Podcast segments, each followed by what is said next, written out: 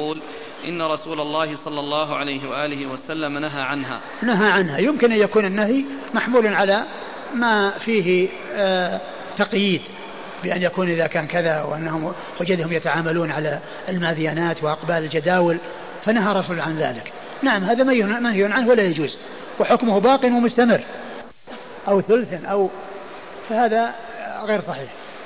وقد جاء في بعض الأحاديث يعني بثلث أو ربع أو كذا ولكن لعل ذلك كان محمول على أول الأمر وأنه أول الأمر كان مأمورين بالمساعدة وبالإرفاق ولا سيما وكون المهاجرين لما قدموا إلى المدينة و يعني كونهم يساعدونهم بأن يمنحونهم ولا يأخذون عليهم أجرة لا شك أن هذا هو الأولى.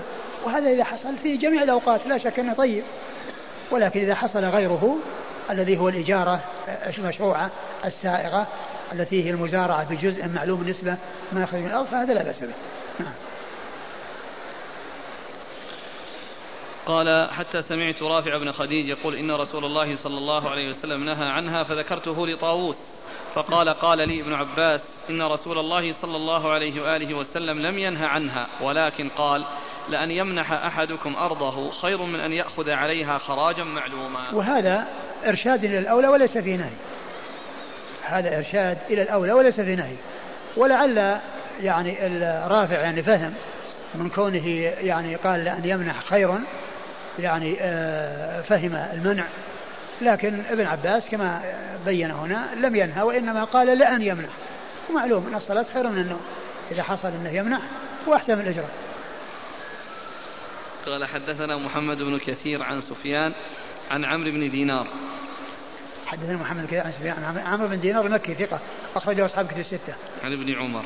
عن ابن عمر مر ذكره. وهذا رباعي من الأسانيد الرباعية عند أبي داود. هذا إذا إلى هنا يصير مرفوع حكما. لأن ابن عمر يقول ما كنا نرى بالمزارعة بأسا. ما كنا. لا هو الآن بعدين يروي لا هو يصير خماسي على اعتبار ابن عباس. فإذا وقفنا هنا ما يصير مرفوع حكما. نعم.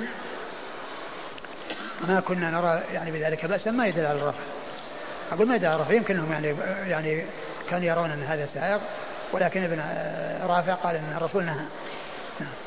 حتى سمعت رافع بن خديج. نعم. رافع بن خديج. رافع بن خديج صحابي أخرج حديث أصحاب كتب الستة قال فذكرته لطاووس طاووس بن كيسان ثقة أخرجه أصحاب كتب الستة. عن ابن عباس. وابن عباس الصحابي الجليل أحد العباد له أربعة من الصحابة وأحد السبعة المعروفين بكثرة الحديث عن النبي صلى الله عليه وسلم.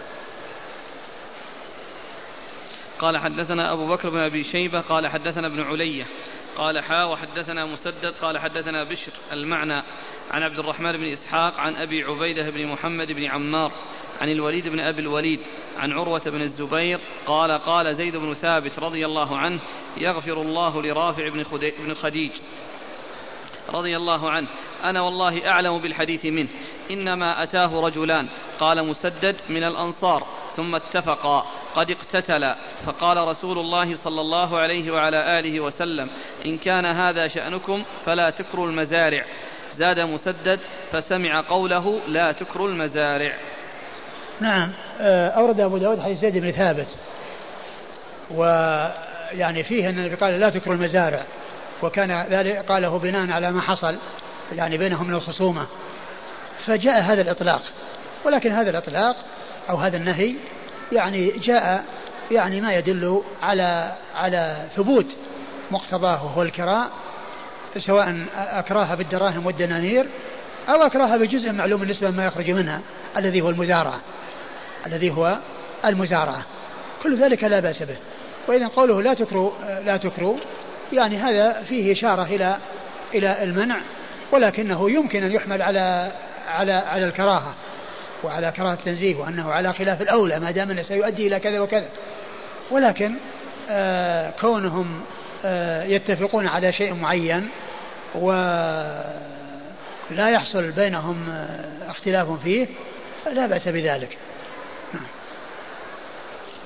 قال حدثنا أبو بكر بن أبي شيبة. أبو بكر بن أبي شيبة ثقة أخرجه أصحاب كتب الستة إلا الترمذي. عن ابن علية. ابن علية إسماعيل بن إبراهيم بن علية ثقة أخرج له أصحاب كتب الستة. قال حا وحدثنا مسدد. مسدد مر ذكره. عن بشر. بشر بن المفضل ثقة أخرج له أصحاب كتب الستة. عن عبد الرحمن بن إسحاق. عن عبد الرحمن بن إسحاق وهو صدوق. أخرج له.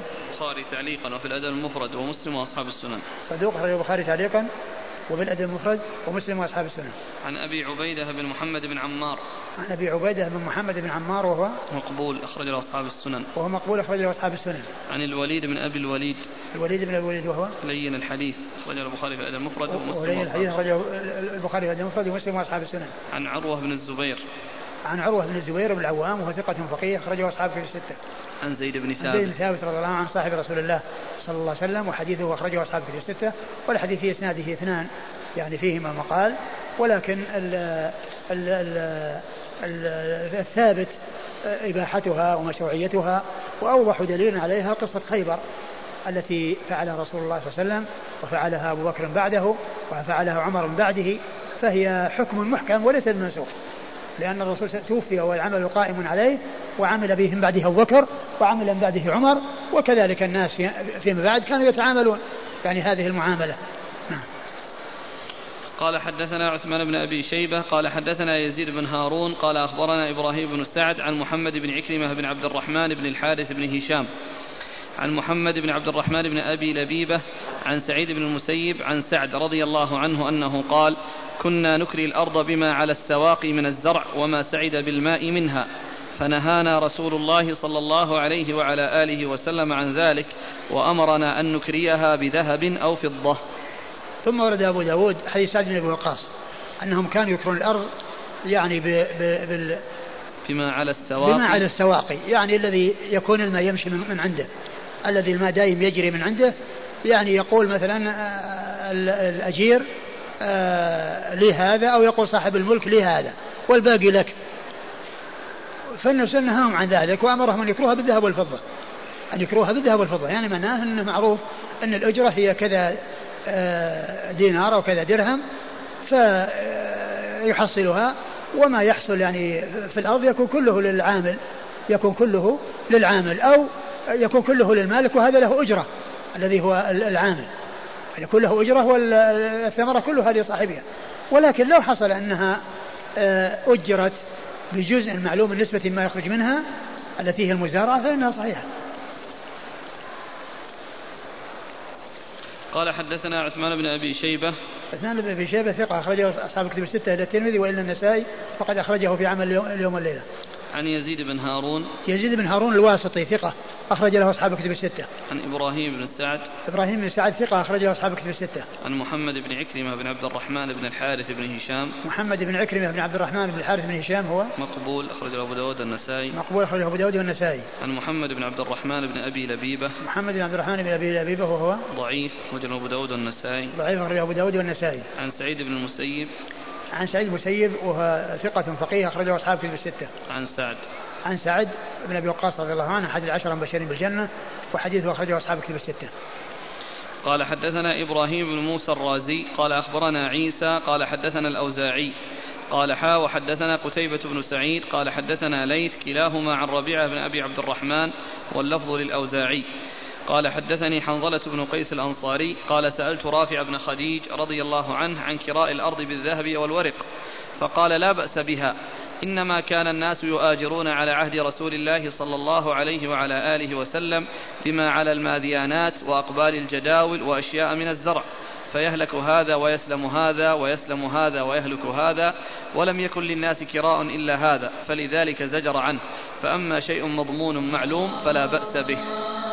ثم أورد أبو داود رحمه الله حديث رافع بن خديج وفيه تفصيل يعني لما أجمل في بعض الأحاديث. فقال كنا يقول حنظلة سألت حنظلة بن قيس يقول سألت رافع بن خديج عن كراء الأرض بالذهب والورق فقال لا بأس بها. قال إن نعم قال يعني حنظلة بن قيس سألت رافع بن خديج عن كراء الأرض بالذهب والورق. يعني كون الإجرة يعني آه، نقود يعني ليست آه، مشاركة. يعني في ال يعني في ال في شيء يعني مثلا مبهم أو شيء مجهول فقال لا بأس به. إنما كانوا إنما كان كان الناس يؤاجرون على عهد رسول الله صلى الله عليه وسلم بما على الماذيانات وأقبال الجداول وأشياء من الزرع. إنما كان الناس يؤاجرون على ما على الماذيانات وأقبال الجداول وأشياء من من الزرع فيهلك هذا ويبقى هذا. يعني معناه يؤاجرون على أماكن معينة آه، تحظى بالماء وتسعد بالماء وتستفيد من الماء فيكون الثمر يعني قويا وجيدا وحسنا. فيقول أحدهما هذا لي أو هذه الجهة لي أو هذه المنطقة لي والباقي لك. فنهى عنه الرسول وزجر عنه لأن هذا يؤدي إلى أن أحدهما يظفر بالمال أو يظفر بالفائدة والثاني ما يحصل شيء. وهذا طبعا فيه آه، اختصاص آه، لأحدهما بالمال دون الآخر وهو غير سائر. وإنما كل واحد منهما يحصل حقه ونصيبه. فهذا يحصل الثمرة وهذا يحصل الأجرة. فسواء كانت هذه الأجرة عن طريق ذهب وفضة أو عن طريق اشتراك بنسبة معينة لأن لأن هذا يعني شيء مضمون. معناه أن واحد منه كل واحد منهم يحصل آه، نصيبه. أما أن يكون أحدهما له الجزء المعين الفلاني والثاني له الثاني فهذا قد يختص به أحدهما دون الآخر وهذا هو الذي زجر عنه الرسول صلى الله عليه وسلم. ولهذا قال فأما شيء معلوم مضمون فلم فلم ينهى عنه. يعني شيء معلوم مثل الدراهم والدنانير وأيضا مثل النسبة المعينة التي تكون لأحد لكل واحد منهما. نعم. قال حدثنا إبراهيم بن موسى الرازي إبراهيم بن موسى الرازي ثقة أخرجه أصحاب كتب الستة عن عيسى عن عيسى بن يونس بن أبي إسحاق ثقة أخرجه أصحاب كتب الستة عن الأوزاعي الأوزاعي عبد الرحمن بن عمرو الأوزاعي ثقة أخرج له أصحاب كتب الستة. قال حا وحدثنا قتيبة بن سعيد. قتيبة بن سعيد ثقة أخرج له أصحاب كتب الستة. عن الليث. عن الليث بن سعد ثقة أخرج له أصحاب كتب الستة. كلاهما عن ربيعة بن أبي عبد الرحمن. كلاهما عن ربيعة بن أبي عبد الرحمن وهو ثقة أخرج له أصحاب كتب الستة. واللفظ للأوزاعي عن حنظلة بن قيس الأنصاري. عن قي... عن حنظلة بن قيس الأنصاري وهو ثقة أخرج له. وقيل له رؤيا أخرج له أصحاب الكتب. إلى الترمذي. وقيل له رؤيا أخرج له أصحاب الكتب الستة إلى الترمذي. عن رافع. عن رافع بن خديج وقد مر ذكره. قال وحديث إبراهيم أتم وحديث إبراهيم آه، إبراهيم الرازي اللي هو الشيخ الأول وقال قتيبة عن حنظلة عن رافع وقال قتيبة عن حنظلة عن رافع يعني بدون سؤال قال أبو داود رواية يحيى بن سعيد عن حنظلة نحوه قال أبو داود يحيى بن سعيد الأنصاري عن حنظلة نحوه نعم. قال حدثنا قتيبة بن سعيد عن مالك عن ربيعة بن أبي عبد الرحمن عن حنظلة بن قيس أنه سال رافع بن خديج رضي الله عنه عن كراء الأرض فقال نهى رسول الله صلى الله عليه وآله وسلم عن كراء الأرض فقلت أبي الذهب والورق؟ فقال أما بالذهب والورق فلا بأس به. وهذا مثل الذي قبله. قال حدثنا قتيبة بن سعيد عن وهذا مالك وهذا يبين أن الكلام فيه إجمال. يعني قال نهى عنه فلما قال أبي الذهب قال لا, بأس به. يعني معناه أن أنها الشيء الذي فيه جهالة. نعم. قال حدثنا قتيبة بن سعيد عن مالك عن ربيعة. مالك مالك بن أنس إمام دار الهجرة المحدث الفقيه أحد أصحاب المذاهب الأربعة مذاهب أهل السنة وحديثه أخرجه أصحاب كتب الستة. عن ربيعة بن أبي عبد الرحمن عن حنظلة بن قيس عن رافع بن خديج. نعم. قال باب في التشديد في ذلك. والله تعالى أعلم وصلى الله وسلم وبارك على عبده ورسوله نبينا محمد وعلى آله وأصحابه أجمعين. جزاكم الله خيرا وبارك الله فيكم ونفعنا الله بما قلتم. ما معنى الماذيانات؟ الماذيانات يعني هذه كلمة معربة يعني المقصود بها يعني شيء يعني آه يعني فيه فيه فائدة وفيه ثمرة ما أدري وقال أنها على على على جانب الأنهار. يقول الأنهار وهي من كلام العجم صارت دخيلا في كلامهم. لا بس قال المقصود بها مع الأنهار. أول شيء قال الأنهار. الماديانات يعني الأنهار. يعني ما على على الماء.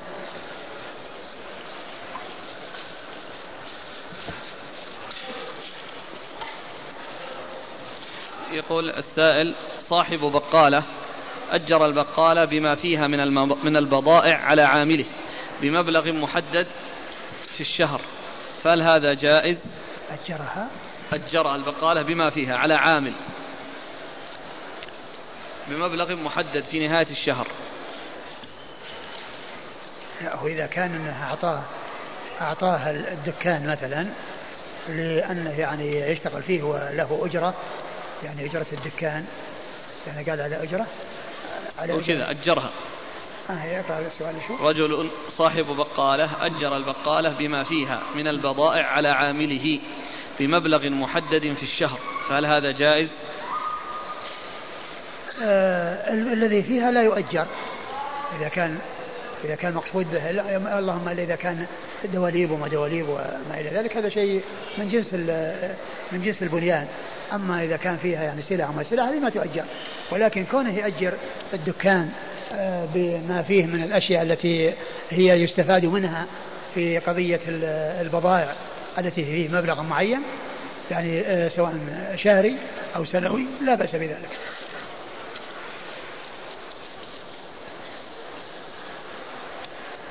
ويقول ما الحكم إن أجر محلا بمعداته من غير البضاعة؟ لا بأس.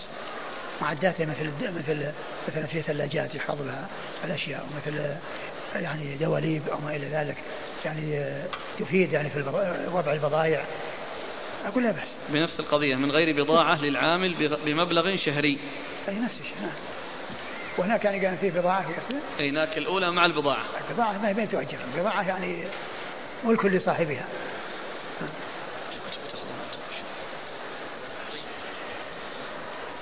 هل هذه الجملة حديث كما تدين تدان؟ ما أدري.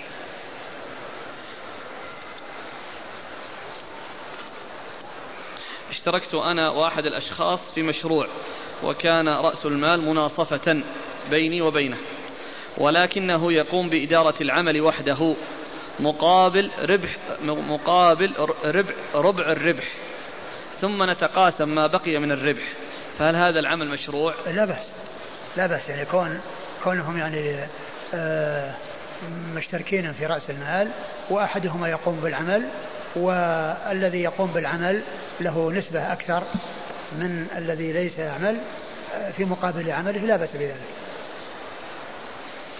تعددت الأسئلة عن اللوميزينات الآن. تأجير السيارة الأجرة بأن يطلب من السائق يعطي السائق 100 ريال وما بقي فهو لصاحب السيارة أو صاحب الشركة. إيش السؤال؟ إيش هو؟ أصحاب التاكسي الآن. صار إنسان عنده سيارات يؤجرها على العمال السائقين. له مثلا 100 ريال والباقي للسائق. أو العكس. يعني يعطي السائق سيارته ويعني يطلب منها يحضر له 100 ريال؟ اي ها؟ نعم. ما في بس لأن كونه يقول هذه السيارة هذه باليوم 100 ريال؟ هذا ما في بس طيب ربما يشتغل فيها ما يطلع 100 ما دخل. المهم إنه يط...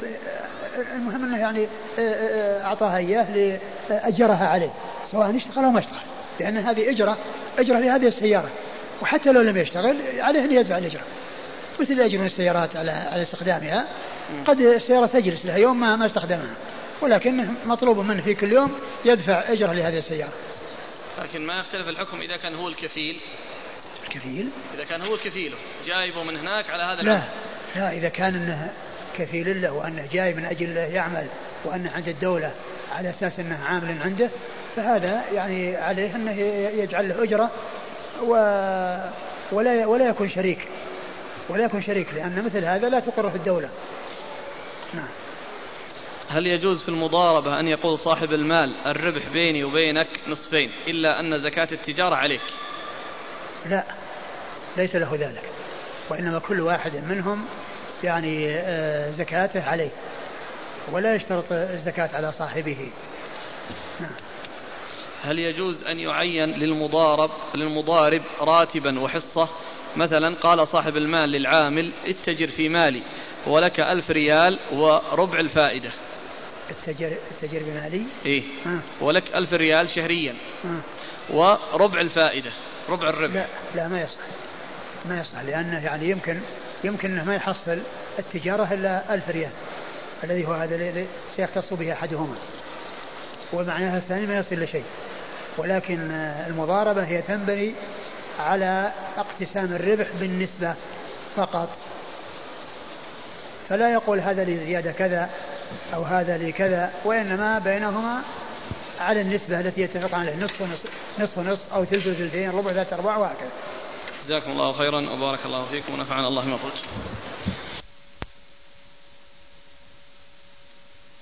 بسم الله الرحمن الرحيم. الحمد لله رب العالمين والصلاة والسلام على عبد الله ورسوله نبينا محمد وعلى آله وصحبه أجمعين أما بعد. قال الإمام أبو داود السجستاني رحمه الله تعالى باب في التشديد في ذلك.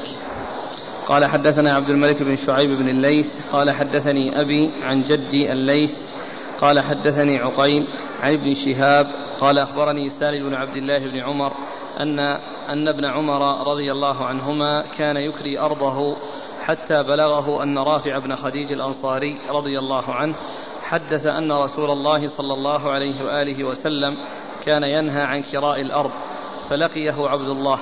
فقال يا ابن خديج ماذا تحدث عن رسول الله صلى الله عليه وآله وسلم في كراء الأرض؟ قال رافع لعبد الله بن عمر سمعت عمي وكان قد شهدا بدرا يحدثان أهل الدار أن رسول الله صلى الله عليه وعلى آله وسلم نهى عن كراء الأرض. قال عبد الله والله لقد كنت أعلم والله لقد كنت أعلم في, في عهد رسول الله صلى الله عليه وآله وسلم أن الأرض تكرى.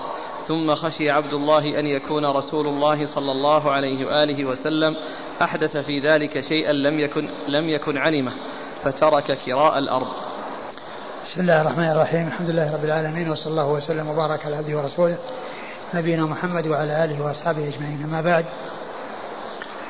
يقول الإمام أبو داود السجستاني رحمه الله تعالى باب التشديد في ذلك أي في المزارعة وهو الذي سبق أن مر آه، أبو لأبي داود التبويب له و وقد مر فيها أحاديث فيها النهي عن المزارعة وعرفنا آه، ما في ذلك وأن الرسول صلى الله عليه وسلم إنما نهى عن أمور فيها جهالة وأما شيء معلوم لا بأس به.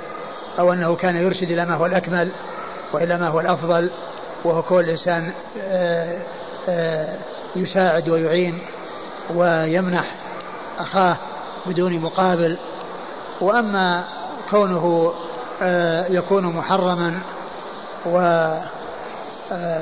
وممنوعا فقد جاء ما يدل على ثبوته عن الرسول صلى الله عليه وسلم وعمل الخلفاء الراشدين من بعده. رضي الله تعالى عنهم وذلك في قصة خيبر ومعاملة الرسول صلى الله عليه وسلم لليهود في خيبر حيث أعطاهم النصف أعطاهم الأرض والنخل على ما يخرج منها أو على شطر مما يخرج منها من ثمر أو زرع.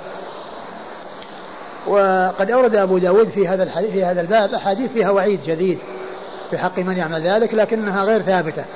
الأحاديث التي فيها وعيد شديد في حق من يتعاطى ذلك أي المزارعة غير ثابت. ولو ثبت يمكن أن يكون محمولا على الشيء الذي فيه منع وفيه تحريم مثل الذي فيه جهالة بأن يقول آه الذي على الماديانات وأقبال الجداول والذي أو الناحية الفلانية دون الناحية الفلانية. نعم لا شك هذا محرم وغير جائز لأن أحد الشريكين أو أحد آه، الطرفين آه صاحب الأرض والعامل أو المزارع آه، يستفيد بالثمرة دون الآخر. وال آه، وال والأصل في المزارعة أن كلا يستفيد إن وجد فائدة وإن حصل ضرر أو ما حصل فائدة من الزرع فإن العامل ضاع عليه عمله والأرض وصاحب الأرض استخدمت أرضه دون أن أن يحصل منها على طائل وتكون تغيرت حالها ومن كونها صالحة للزراعة فيما بعد إلى كونها يعني تنقص آه، فائدتها أو فائدة الزراعة فيها عندما تكثر آه، زراعتها. وقد أورد أبو داود حديث ابن عمر رضي الله تعالى عن رافع بن خديج أنه كان يكري يعني آه، أرضه للزراعة وحتى بلغه عن رافع بن خديج أن النبي صلى الله عليه وسلم نهى عن ذلك فلقي عبد الله بن عمر رافعا وسأله عن الشيء الذي يحدث به فقال إنه سمع عميه وهما يحدثان آه، آه، آه، يعني الحي أو الجماعة من من أهل بيته أن النبي صلى الله عليه وسلم كان ينهى عن ذلك. وقال عبد الله بن عمر إن كنا في زمنه عليه الصلاة والسلام كنا نكر الأرض ولكن عبد الله بن عمر خشي أن يكون حصل شيء من النبي عليه الصلاة والسلام في التحريم. وأنه حصل النسخ للأمر الذي كانوا عليه أولا فللتورع وللورع آه، ترك عبد الله بن عمر رضي الله تعالى عنه الكراء فيما بعد ذلك بناء على ما جاء في حديث رافع بن خديج نعم. قال حدثنا عبد الملك بن شعيب بن الليث. عبد الملك بن شعيب بن الليث بن سعد آه، صدوق. ثقة أخرجه مسلم ثقة أخرجه مسلم وأبو داود والنسائي. وأبوه شعيب كذلك. أخرجه مسلم وأبو داود والنسائي. عبد الملك آه، والليث بن سعد هو ثقة فقيه أخرجه أصحاب كتب الستة. عن عقيل. عن عقيل بن خالد بن عقيل آه وهو ثقة أخرجه أصحاب كتب الستة. عن ابن شهاب. عن ابن شهاب محمد بن مسلم بن عبد الله بن شهاب ثقة أخرج له أصحاب كتب الستة. عن سالم بن عبد الله. عن سالم بن عبد الله بن عمر بن الخطاب وهو ثقة فقيه. أخرج له أصحاب كتب الستة. عن عبد الله بن عمر بن الخطاب رضي الله عنهما الصحابي الجليل أحد العبادلة الأربعة من أصحاب النبي عليه الصلاة والسلام وأحد السبعة المعروفين بكثرة الحديث عن النبي صلى الله عليه وسلم.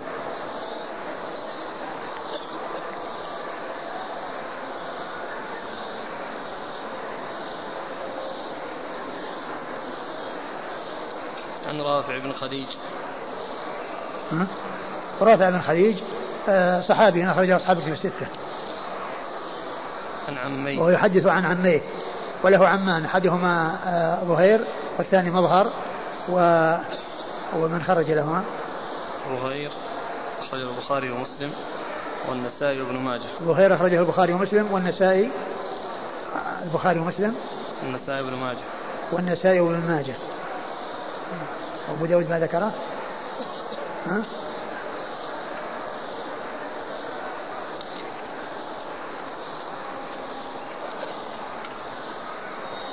لا لم يذكر.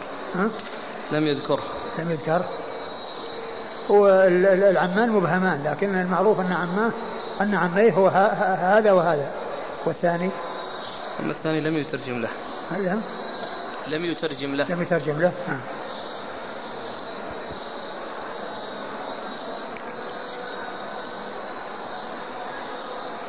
ها. هنا قال أبو داود رواه أيوب وعبيد الله وكثير بن فرقد ومالك عن نافع عن رافع رضي الله عنه عن النبي صلى الله عليه وسلم ثم أورد أبو داود طرق أخرى عن رافع يعني من غير طريق سالم وهو عن نافع عن عن عن نافع عن رافع عن النبي صلى الله عليه وسلم وأنه يرويه عن النبي صلى الله عليه وسلم يعني ما ذكر واسطة بينه أو ما ذكروا واسطة بينه وبين رسول الله صلى الله عليه وسلم. نعم. قال أبو داود رواه أيوب. أيوب السختياني أيوب بن أبي تميم السختياني ثقة أخرج له أصحاب كتب الستة. وعبيد الله. وعبيد الله بن عمر العمري المصغر ثقة أخرج له أصحاب كتب الستة. وكثير بن فرقد. وكثير بن فرقد ثقة أخرج له. البخاري وأبو داود والنسائي. البخاري وأبو داود والنسائي. ومالك. ومالك بن أنس. إمام دير الهجرة المحدث الفقيه أحد أصحاب المذاهب الأربعة المشهورة من مذاهب السنة وحديثه أخرج أصحاب كتب الستة عن نافع نافع مولى بن عمر ثقة أخرجه أصحاب كتب الستة. عن رافع. عن رافع بن خديج رضي الله تعالى عنه وقد مر ذكره. ورواه الأوزاعي عن حفص بن عنان الحنفي عن نافع عن رافع رضي الله عنه أنه قال سمعت رسول الله صلى الله عليه وعلى آله وسلم وهذه طريقة أخرى عن رافع وفيها أنه يقول سمعت رسول الله عليه الصلاة والسلام لأن الطريقة الأولى بالعنعنة ويمكن أن يكون أخذه عنه مباشرة ويكون أخذه عن صحابي ولكن هذا فيها التصريح بأنه هو الذي سمع من النبي صلى الله عليه وسلم. لأن ما روي بالعنعنة يمكن يكون مرسل صحابي ومراسيل الصحابة حجة لأنهم لا يأخذون إلا عن الصحابة. لكن الذي فيه أنه سمع النبي صلى الله عليه وسلم هذا نص في أنه آه، في أن أنه حصل منه السماع. و ولهذا آه، يعني في صغار صغار الصحابة يعني يروون عن النبي صلى الله عليه وسلم مباشرة ويصرحون بالسماع ويروون بالعنعنة ويمكن أن يكون سمعوه من النبي صلى الله عليه وسلم ويكون سمعوه من صحابي آخر. ومراسيل الصحابة كما هو معلوم حجة. لكن فيها ما فيه التصريح بالسماع. نعم. ورواه الأوزاعي ورواه الأوزاعي هو عبد الرحمن بن عمرو الأوزاعي فقيه الشام ومحدثها أخرج له أصحاب كتب الستة. عن حفص بن عنان الحنفي. عن حفص بن عنان الحنفي وهو؟ ثقة أخرج له النسائي. وهو ثقة أخرجه النسائي. عن نافع عن رافع. عن نافع عن رافع نعم. وكذلك رواه زيد بن أبي أنيسة عن الحكم عن نافع عن ابن عمر رضي الله عنهما أنه أتى رافعا رضي الله عنه فقال سمعت رسول الله صلى الله عليه وآله وسلم فقال نعم. وهذه أيضا طريقة أخرى يعني عن ابن عمر آه، مماثلة للطريقة الأولى التي فيها أنه سأل رافعا وفي الأول في الأولى ذكر أن عميه يعني أخبر بكذا وفي هذه الطريقة أخبر بأنه سمع هو الذي سمع رسول الله صلى الله عليه وسلم. نعم. قال وكذلك رواه زيد بن أبي انيسه زيد بن أبي انيسه ثقة اخرج له أصحاب كتب الستة. عن الحكم. الحكم بن عتيبة الكندي ثقة اخرج له أصحاب كتب الستة. عن نافع عن ابن عمر عن رافع. نعم. وكذا رواه عكرمة بن عمار عن أبي النجاشي عن رافع بن خديج رضي الله عنه أنه قال سمعت النبي عليه الصلاة والسلام وهذا مثل الذي قبله يعني فيه أن رافع هو الذي سمع من رسول الله عليه الصلاة والسلام. وش قال؟ أبو النجاشي عن من؟ عن أبي النجاشي عن رافع بن خديج. أيوة عن أبي النجاشي عن رافع بن خديج. نعم. آه، قال وش وكذا رواه عكرمة بن عمار. عكرمة بن عمار هو؟ صدوق يغلط أخرج البخاري تعليقا ومسلم وأصحاب السنن صدوق يغلط أخرجه البخاري تعليقا ومسلم وأصحاب السنن عن أبي النجاشي. عن أبي النجاشي وهو؟ عطاء بن صهيب أخرج عطاء بن صهيب. ثقة أخرج البخاري ومسلم والنسائي وابن ماجه. ثقة أخرجه البخاري ومسلم والنسائي وابن ماجه. عن رافع. عن رافع بن خديج مر ذكره.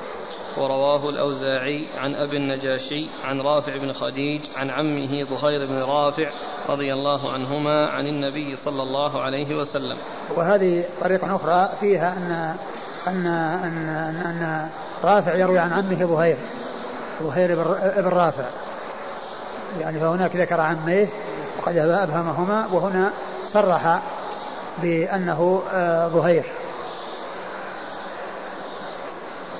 وأبو داود ما ذكر في في في رجال أبي داود اللي هو ظهير. ويحتمل أن يكون أنه جاء بهذه الطريقة المعلقة. إذا كان انه ما إذا كان انه ما ما فيه ان أنهم رجال أبي داود.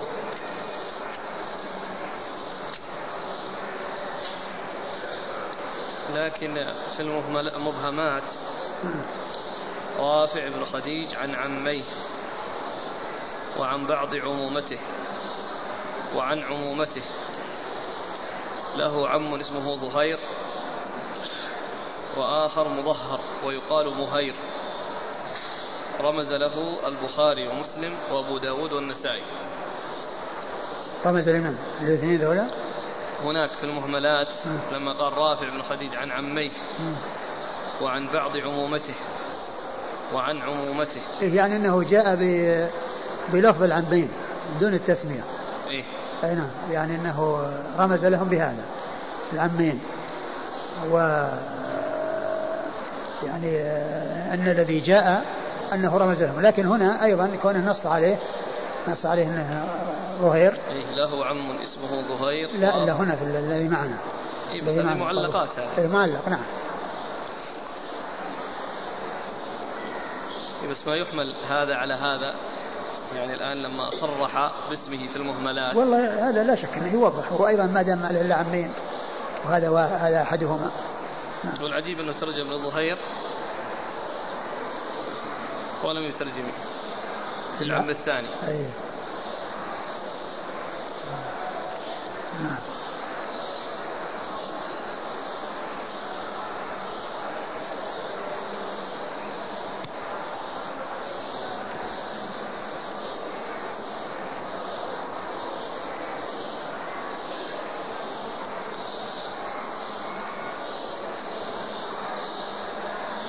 قال أبو داود أبو النجاشي عطاء بن صهيب. وهذا تسمية أو ذكر تسمية هذا الذي اشتهر بكنيته. نعم. يقول السائل ذكرتم أن باب التشديد في ذلك لم يثبت فيه شيء فما صحة هذا الحديث؟ لا والكلام هذا ما في تشديد. التشديد سيأتي. تشديد يقول إنه يعني إنه إن هذا ربا والثالث إنه يقول وعيد شديد يعني في حق من يفعل هذه هذا الفعل. وأما هذا ما في تشديد أبدا. أقول هذا الحديث خالي من التشديد. طيب الآن مرة تصريح رافع بالسماع ومرة ينقل عن عميه هو حديث رافع مثل ما قال الإمام أحمد أنه على ألوان وعلى قال غيره على ضروب يعني يأتي بكذا ويأتي بكذا ويأتي بكذا. ولهذا يعني هذا الاضطراب الذي فيه وكون فيه اختلاف كثير.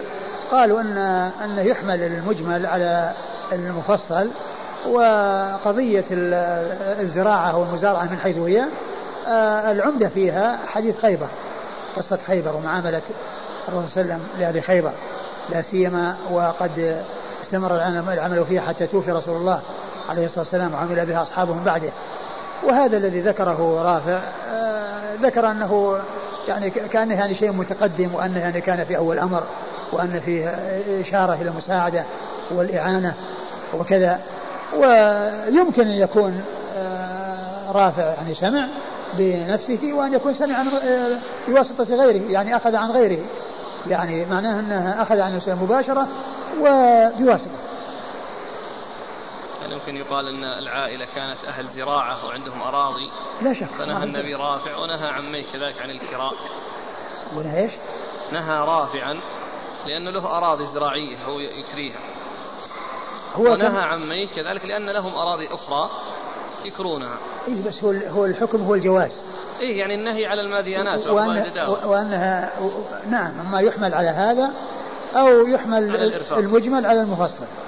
يحمل المجمل على المفصل الذي فيه النهي عن الكرام يعني يحمل على التفصيل هذا. لكن جاء في تنصيص على أنه لا يجيرها بثلث ولا ربع ولا بكذا. أيضا جاء في حديث رافع وسيأتي. هذا وش أول هذا؟ نعم. هذا تأويله صعب. إيه لا هو هذا أقول هذا يمكن أن يكون مثل ما مثل ما جاء في الأول. أنه يعني لا يمسكها أو يعرها أو كذا وأن أنهم كانوا يفعلون ذلك فالرسول أرشدهم إلى الأولى. أقول يحمل على أنه كان في أول الأمر وأنه أرشدهم إلى الأولى. قال حدثنا عبيد الله بن عمر بن ميسرة قال حدثنا خالد بن الحارث قال حدثنا سعيد عن يعلى بن حكيم عن سليمان بن يسار أن رافع بن خديج رضي الله عنه قال كنا نخابر على عهد رسول الله صلى الله عليه وآله وسلم فذكر أن بعض عمومته أتاه فقال نهى رسول الله صلى الله عليه وعلى آله وسلم عن أمر كان لنا نافعا وطواعية الله ورسوله أنفع لنا وأنفع. قال قلنا وما ذاك؟ قال قال رسول الله صلى الله عليه وعلى آله وسلم من كانت له أرض فليزرعها أو فليزرعها أخاه ولا يكاريها بثلث ولا بربع ولا بطعام مسمى. وهذا حديث رافع عن بعض عمومته أنه قال جاء وقال نهانا رسول عن أمر كان لنا نافعا وطواعية رسول الله أنفع وأنفع. أن يكون نسمع ونطيع النبي صلى الله عليه وسلم فيما يرشدنا إليه لا شك أنه أنفع لنا. وإن كان الكراء والمزارعة التي كنا نفعلها يعني فيها فائدة لنا وهي أن نحصل مقابل استخدام أرضنا واستعمال أرضنا يعني شيئا مما تخرجه الأرض في مقابل ملكنا لها. فنستفيد ويستفيد العامل. ثم أن الرسول قال آه، يعني نهاهم عن كذا وقال آه، آه، فليزرعها أو ليزرعها إيش؟ من كانت له أرض فليزرعها أو ليزرعها فليزرعها أو ليزرعها أخاه. يعني أرشد إلى إلى الأفضل وإلى الأولى وإلى الذي ينبغي. ولعل هذا كما قلت سابقا هذا في أول الأمر. وحيث يعني كان حيث كان المهاجرون قدموا إلى المدينة وليس معهم شيء. وكونهم يعني يشتغلون معهم ويحصلون يعني شيئا في يعني في آه، مقابل عملهم فأرشدهم إلى أن الأولى هو أن آه، آه، يزرعوها يعني يمنحوها إياهم ليستخدموها بالمجان. ولكن الحكم الذي استقر عليه الأمر والذي ثبت هو أن الرسول صلى الله عليه وسلم عملها خيبر وكان ذلك في السنة السابعة واستمر على ذلك الحال حتى توفي عليه الصلاة والسلام واستمر على ذلك في عهد الخلفاء الراشدين رضي الله تعالى عنهم وأرضاهم فصار الحكم هو الجواز.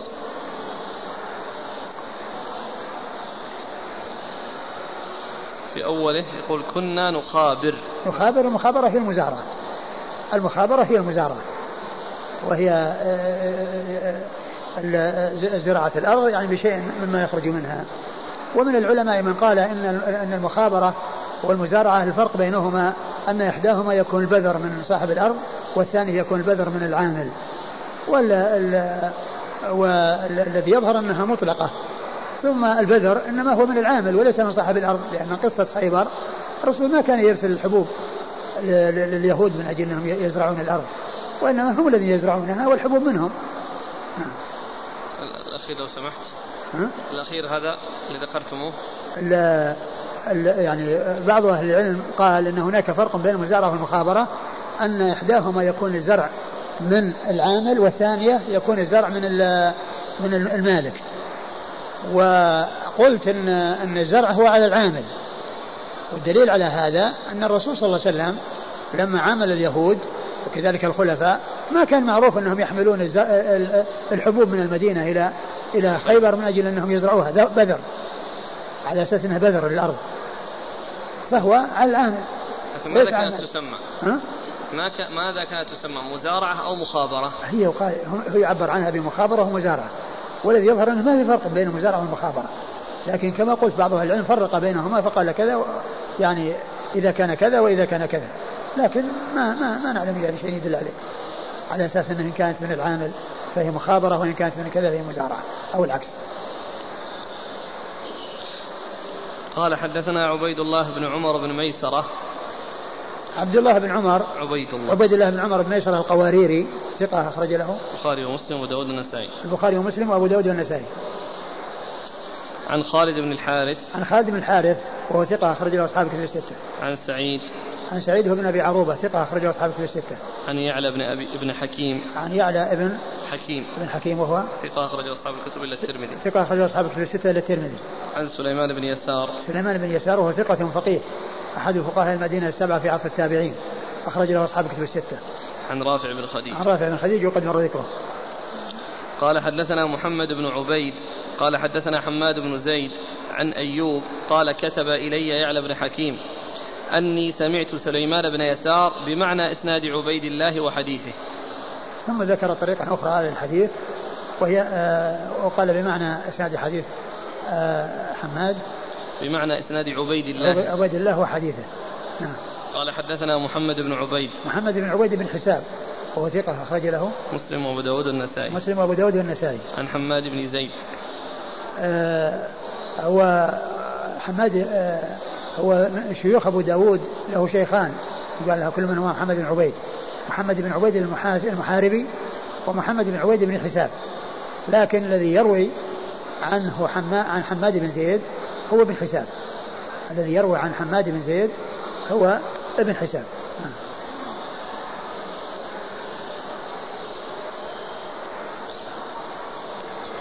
عن أيوب عن يعلى بن حكيم عن سليمان بن يسار.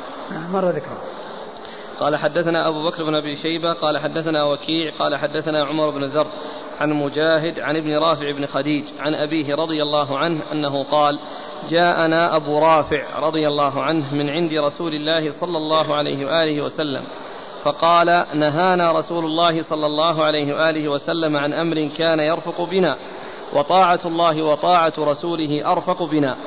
نهانا أن أن يزرع أحد أن يزرع أحدنا إلا أرضا يملك رقبتها أو منيحة يمنحها رجل. ثم ورد أبو داود آه، الحديث من طريقة أخرى وهو مثل الذي قبله. يعني مثل الذي قبله نهانا عن أمر كان يعني بنا يعني آه، في رفق و وقال إنه إنما يزرع من يملك أرضا يملك رقبتها. المقصود بالرقبة يعني العين يعني يعني إنه يملك الأرض. ولهذا يعبر يعني عن عن العين بالرقبة. وذلك أن الأصل أن الحيوان إذا يعني ملك وأنه يأخذ برقبته يأخذ برقبته. فعبر بالرقبة عن كل شيء فيما يتعلق بالعين وأن المقصود به العين. يعني المراد بالرقبة هنا العين. نعم. قال حدثنا أبو بكر بن أبي شيبة. أبو بكر بن أبي شيبة ثقة أخرج أصحابه في الستة إلى الترمذي. عن وكيع. عن وكيع بن الجراح الرؤاسي الكوفي ثقة أخرج له أصحاب كتب الستة. عن عمر بن الذر عن عمر بن ذر وهو ثقة أخرج له. البخاري وأبو داود والترمذي والنسائي وابن ماجه في التفسير. البخاري وأبو داود والترمذي والنسائي وابن ماجه في التفسير. عن مجاهد. عن مجاهد بن جابر المكي ثقة أخرج له أصحاب كتب الستة. عن ابن رافع بن خديج. عن ابن رافع بن خديج وهنا مبهم. ابن رافع بن خديج. مبهم يعني غير غير معين. والذين يعني ابن رافع قيل هما اثنان. عبد الرحمن. هريرة بن عبد الرحمن بن أبي رافع بن رافع. هرير و... والثاني؟ عباية بن رفاعة. بن رافع. يعني هرير وعباية. يعني وهؤلاء جدهم رافع.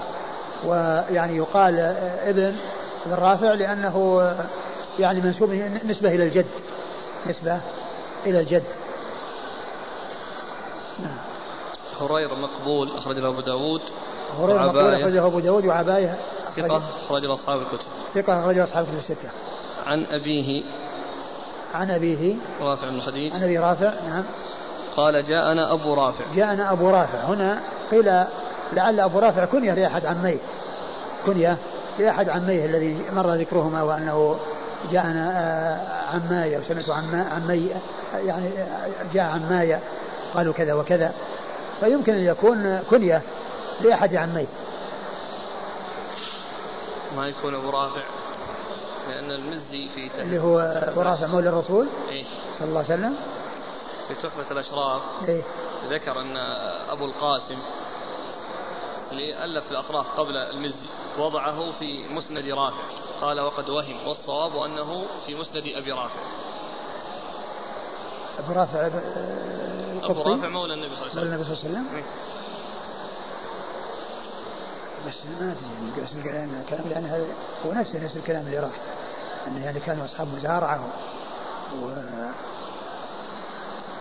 وأبو رافع متى يعني متى صار مولى الرسول ومتى وهل كان في المدينة قبل ذلك؟ إيش لأن الآن هذا حكاية عن آه، شيء قد حصل. وهو مطابق للكلام اللي راح اللي فيه أنه كان بنا رافقا وأنه قال من كان له أرض فليزرعها أو ليزرعها. وأظن ما أدري في في أو المعبود وكذا قال له أحد عميه أبو رافع. أحد عميه الذين مر ذكرهم.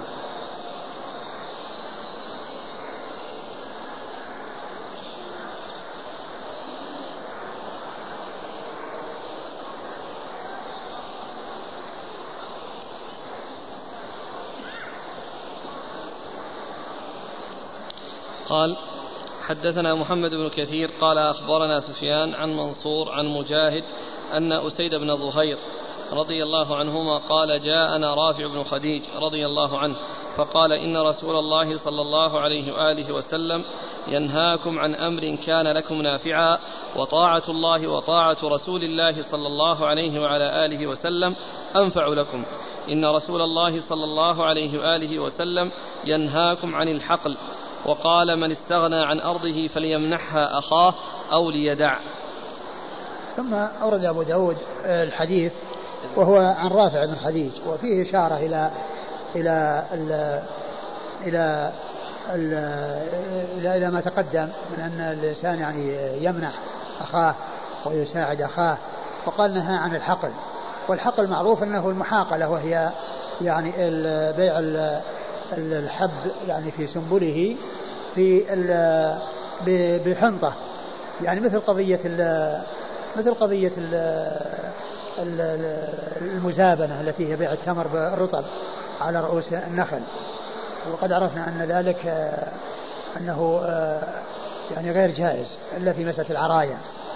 إلا في مسألة العرايا والعرايا كما هو معلوم إنما هي في التمر. سواء النخل.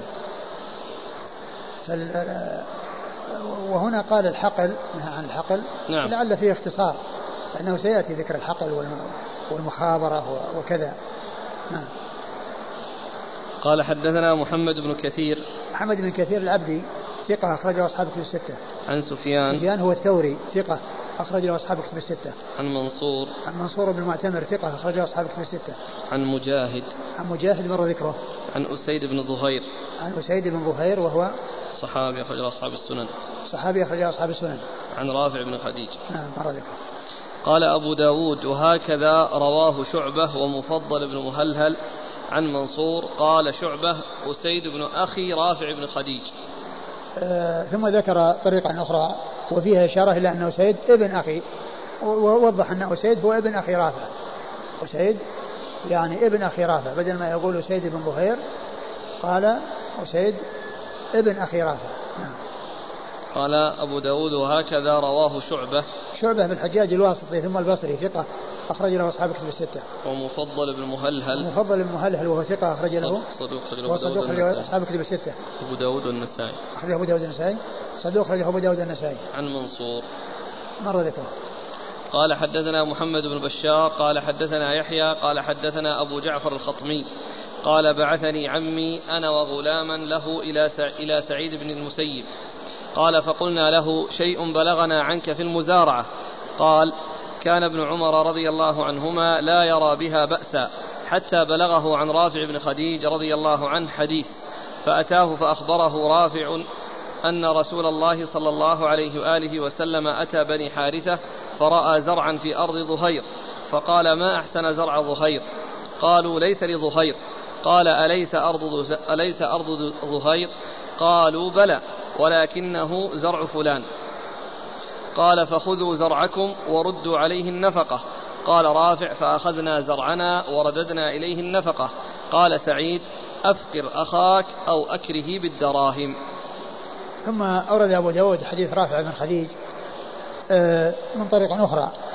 وإيش لفظه؟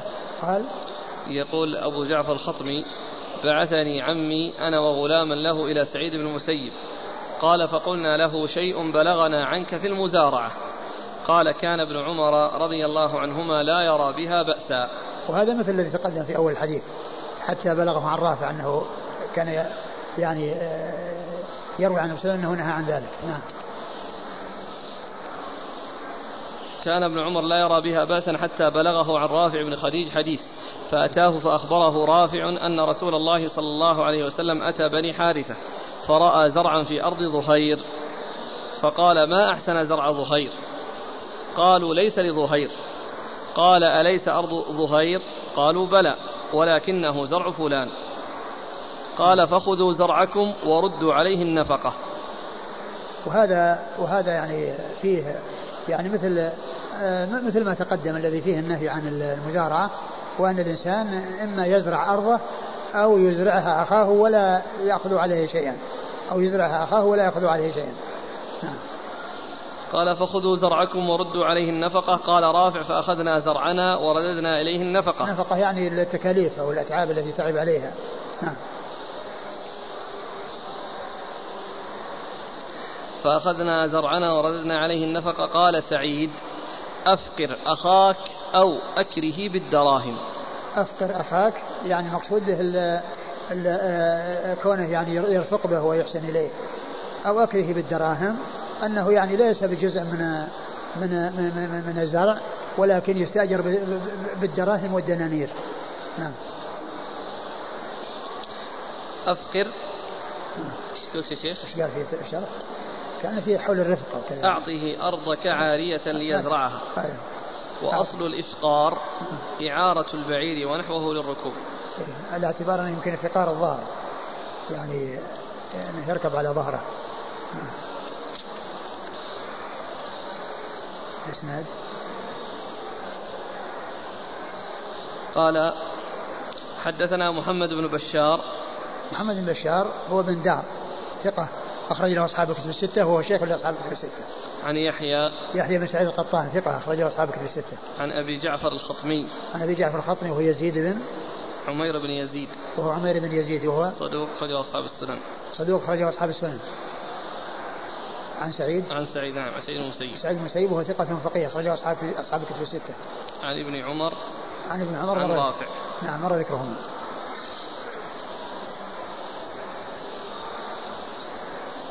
هنا قوله أو أكره بالدراهم قول سعيد. يعني النفقة اللي كان يتعاملون بها غير الدراهم خذوا زرعكم وردوا عليه النفقة. لأنه هو المقصود هو المقصود أنه يعني بجزء من الأرض. هذا هو الذي هذا اللي كان عليه اللي كان هذا الذي هذا اللي نهى عنه الرسول. اللي قال اللي في الحج أنه نهى عنه. وقال يعني إما يعطيه بالمجان أو يكرهه بالدراهم. قال حدثنا مسدد قال حدثنا أبو الأحوص قال حدثنا طارق بن عبد لكن, لكن الذي عرفنا ان ان, أن الذي عليه العمل والذي استقر عليه الأمر والذي ما فيه إشكال ولا فيه اضطراب يعني هو ما جاء في حديث حديث معاملة الرسول صلى الله عليه وسلم لأهل خيبر. نعم. قال حدثنا مسدد قال حدثنا أبو الأحوص قال حدثنا طارق طارق بن عبد الرحمن عن سعيد بن المسيب عن رافع بن خديج رضي الله عنه أنه قال نهى رسول الله صلى الله عليه وآله وسلم عن المحاقلة والمزابنة وقال إنما يزرع ثلاثة رجل له أرض فهو يزرعها ورجل منح أرضا فهو يزرع ما منح ورجل استكرى أرضا بذهب أو فضة. ثم ورد حديث رافع وفيه النهي عن المحاقلة والمزابنة. والمحاقلة يعني فسرت بأنها آه، آه، بيع السنبل في آه، بيع الحب في سنبله ببر يعني بحنطة يعني في مقابله. وهذا طبعا منهي عنه وسبق أن مر بها حديث. والمزابنة مثلها إلا أنها في النخل يعني بيع الثمر على رؤوس النخل بتمر. وقد عرفنا أنها استثني من ذلك العرايا. يعني وفي حدود معين في أقل من خمسة أوسق كما سبق أن مرت في ذلك الأحاديث. وقال إنما يزرع ثلاثة رجل له أرض فهو يزرعها ورجل منح أرضا فهو يزرع ما منح ورجل استكرى أرضا بذهب أو فضة. ورجل استكرى بذهب أو فضة يعني ليس ليس عن طريق المزارعة. قال حدثنا مسدد مسدد بن مسرهد ثقة أخرجه البخاري وأبو داود والترمذي والنسائي.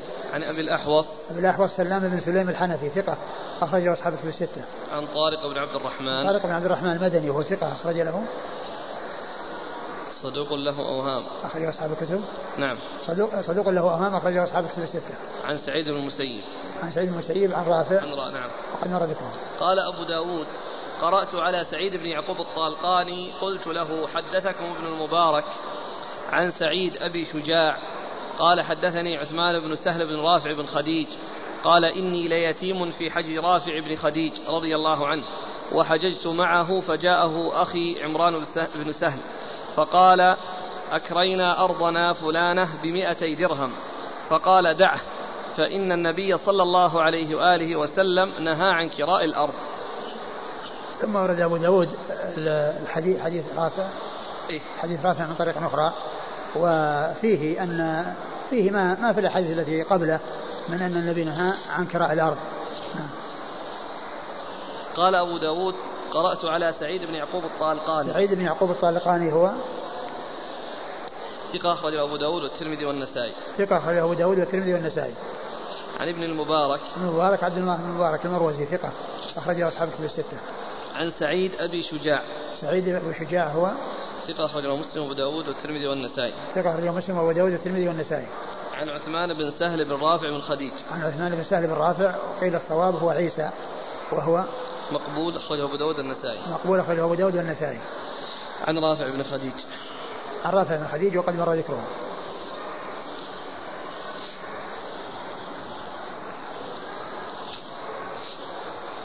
قال حدثنا هارون بن عبد الله قال حدثنا الفضل بن دكين قال حدثنا بكير يعني ابن عامر عن ابن عن ابن أبي نعم قال حدثني رافع بن خديج رضي الله عنه أنه زرع أرضا فمر به النبي صلى الله عليه وآله وسلم وهو يسقيها. فسأله لمن الزرع ولمن الأرض؟ فقال زرع زرعي الشطر ولبني فلان الشطر. فقال أربيتما فرد الأرض على أهلها وخذ نفقتك. ثم ورد أبو داود الحديث من طريق أخرى. أبو داود الحديث رافع من طريق أخرى. وفيه يعني قريب من القصة التي مرت إلا أنه هنا قال أربيتما وأمر برد بأن الزرع يرجع إلى صاحب الأرض وأن المزارع الذي هو العامل يأخذ نفقته. نعم. قال حدثنا هارون بن عبد الله. هارون بن عبد الله الحمال البغدادي ثقة أخرجه البخاري وأصحاب السنن. مسلم وأصحاب مسلم وأصحاب السنن عن الفضل بن دكين. الفضل بن دكين أبو نعيم ثقة أخرج له أصحاب كتب الستة. عن بكير بن عامر. عن بكير بن عامر وهو ضعيف رجل أبو داود. ضعيف أخرج له أبو داود. عن عن ابن أبي نعم. عن ابن أبي نعم عبد الرحمن بن أبي نعم وهو صدوق رجل أصحاب الكتب. صدوق أخرجه أصحاب كتب الستة. عن رافع بن خديج. عن رافع بن خديج وقد مر ذكره. وهنا في ذكر الربا وأن هذا ربا وفيه هذا الرجل الضعيف. نعم. قال رحمه الله تعالى باب في زرع الأرض بغير إذن صاحبها. قال حدثنا قتيبة بن سعيد قال حدثنا شريك عن أبي إسحاق عن عطاء عن رافع بن خديج رضي الله عنه. قال قال رسول الله صلى الله عليه وعلى آله وسلم من زرع في أرض قوم بغير إذنهم فليس له من الزرع شيء وله نفقته. ثم ورد أبو داود باب في زرع الأرض بغير إذن زرع. الأرض بغير إذن أهلها. لأن يكون الإنسان يزرع أرضا بدون أن يكون أخذ موافقة من أهلها على زراعتها. فما الحكم في ذلك؟ آه هل الزرع يكون للزارع الذي زرع بغير إذن أو يكون للمالك؟ إن أقره المالك على تصرفه ووافقه على ذلك فلا بأس لأن الحق حقه. فإذا وافق له على ما قد حصل فلا إشكال. وإن لم يوافق له فإن الزرع يكون للمالك وذاك يكون له النفقة. نعم.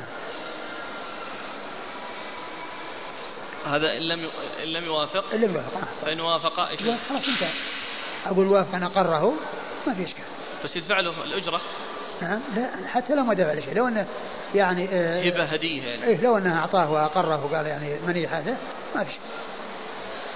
لكن لا طريقة ثانية يقول عطني الأجرة. ما له وجه آخر له له له. لو أراد إنه يعني يأخذ منه أجرة إيه. ما في بس أورد حديث رافع بن خديج قال رسول الله صلى الله عليه وسلم من زرع في أرض قوم بغير إذنهم فليس له من الزرع شيء وله نفقته. نعم. يعني هذا إذا إذا ما حصل إذا تنازعوا اذا إذا واختلفوا حصل نزاع ما في إلا هذا. قال حدثنا قتيبة بن سعيد عن شريك.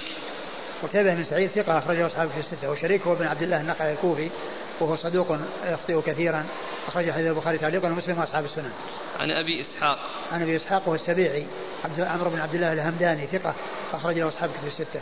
عن عطاء. عن عطاء بن أبي رباح وهو ثقة. أخرج له أصحاب كتب الستة. عن رافع بن خديج. عن رافع وقد مر ذكره.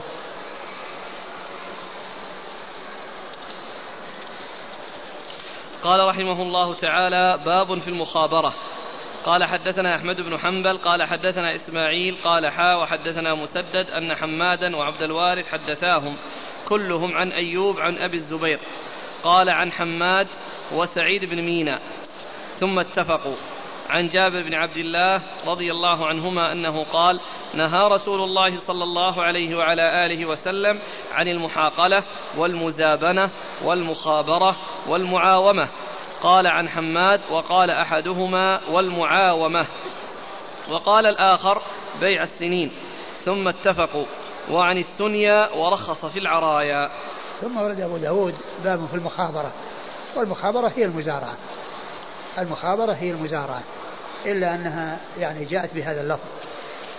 و آه، وكما أسلفت إن بعض أهل العلم يقول أن المخابرة الفرق بين المزارعة والمخابرة أن إحداهما يكون البذر من العامل والثانية يكون البذر من المالك. و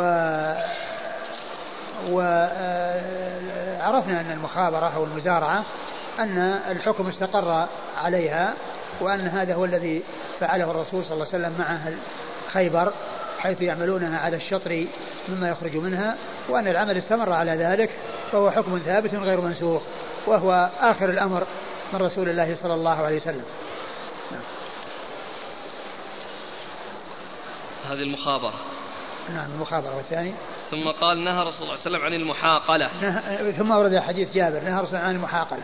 والمحاقلة عرفنا أنها مثل المزابنة إلا أن المزابنة يعني بيع الثمر على رؤوس النخل بتمر والمحاقلة هي بيع الحب في سنبله بحنطة.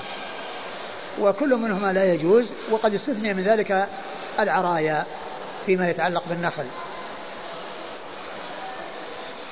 نهى رسول الله صلى الله عليه وسلم عن المحاقلة والمزابنة والمخابرة والمعاومة. المعاومة سبق أن مر بنا أنه بيع السنين لأنه يبيع عدة أعوام يأجر أرضه لعدة أعوام. عدة أعوام وهذا لا يجوز لأن لأن لأن هذا شيء مجهول. ولا يعرف يعني يحصل فيه شيء أو ما يحصل شيء. وإنما التأجير لسنة واحدة. أما كونه يأجره يعني عدة سنوات عدة سنوات بمعنى أنها يعني آه، آه، ما يحصل يعني في يعني في, آه، في مقابل يعني شيء لم يوجد ولم يخلق فإن هذا لا يصح. ولكن كونه يأجر السنة الحاضرة وأما شيء في المستقبل ما ما يأجره يعني شيء في المستقبل بمعنى أنه يعني آه أن الأجرة معروفة فإن يعني هذا هو الذي سبق أن مر ببيع السنين الذي نهى عنه الرسول صلى الله عليه وسلم. وقد مر به ترجمة. الله عنك آه، الأجرة ولا البيع؟ نعم. تقولون إجارة الأرض لمدة سنين أو بيع الثمرة لمدة سنين. نعم هو بيع الثمر نعم. بيع الثمر هو المقصود بيع الثمر وليس لأن كون لأن كونه يجري الأرض عدة سنوات وبعد كل ما سنة كل سنة يعني يصير آه، له الربع مما يخرج منها. له الربع ما ما, ما في بأس لأنه مو مو بشرط آه، أنه يعني لمدة سنة فقط. ولكن الكلام يعني كونه آه، يبيع الثمرة. يبيع الثمرة نعم يبيع الثمرة. لمدة سنين يبيع الثمرة لعدة سنوات. وليس التأجير. ونهى عن بيع السنين قال بيع السنين. مش مش نعم. التأجير نعم. قال عن حماد وقال أحدهما والمعاومة وقال الآخر بيع السنين. يعني آه، لا لا فرق بينهم. ثم اتفقوا وعن الثنيا. وعن الثنيا الاستثناء. والاستثناء يعني جاء في بعض الأحاديث ما يدل على جواز شيء منه وهو المعلوم. قال وعن الثنيا إلا أن تعلم. وأما إذا كانت الثنيا مجهولة فإن ذلك لا يصح. بأن يقول مثلا آه، بعتك هذه الصبرة إلا بعضها أو إلا جزءا منها لأن هذا مجهول. أما قال لو قال إلا ربعها أو إلا يعني كذا ما, ما في بس وإنما المحذور هو الشيء الذي فيه جهالة. أو يقول يعني بعتك يعني آه هذا البستان إلا نخلات منه أو ثمرة هذا البستان إلا نخلات منه ولم يحدد النخلات.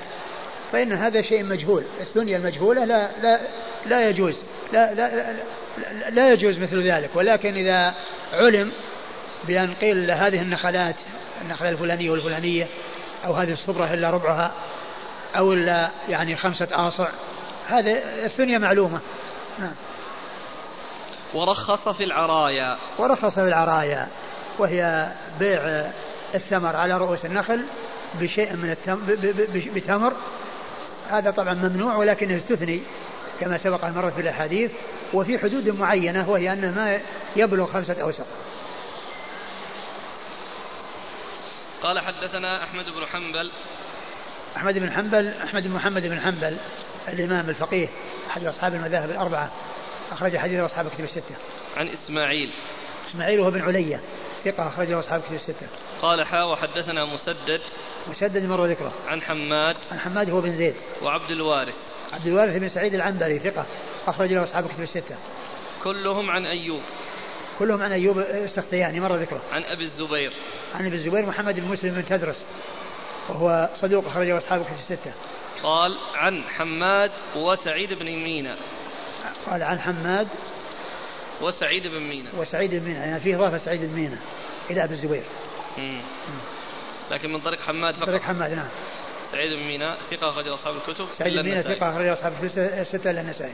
عن جابر بن عبد الله. عن جابر بن عبد الله الأنصاري رضي الله تعالى عنهما الصحابي الجليل أحد العباء أحد أحد السبع المعروفين في كثرة الحديث عن النبي صلى الله عليه وسلم. قال حدثنا أبو حفص عمر بن يزيد السياري.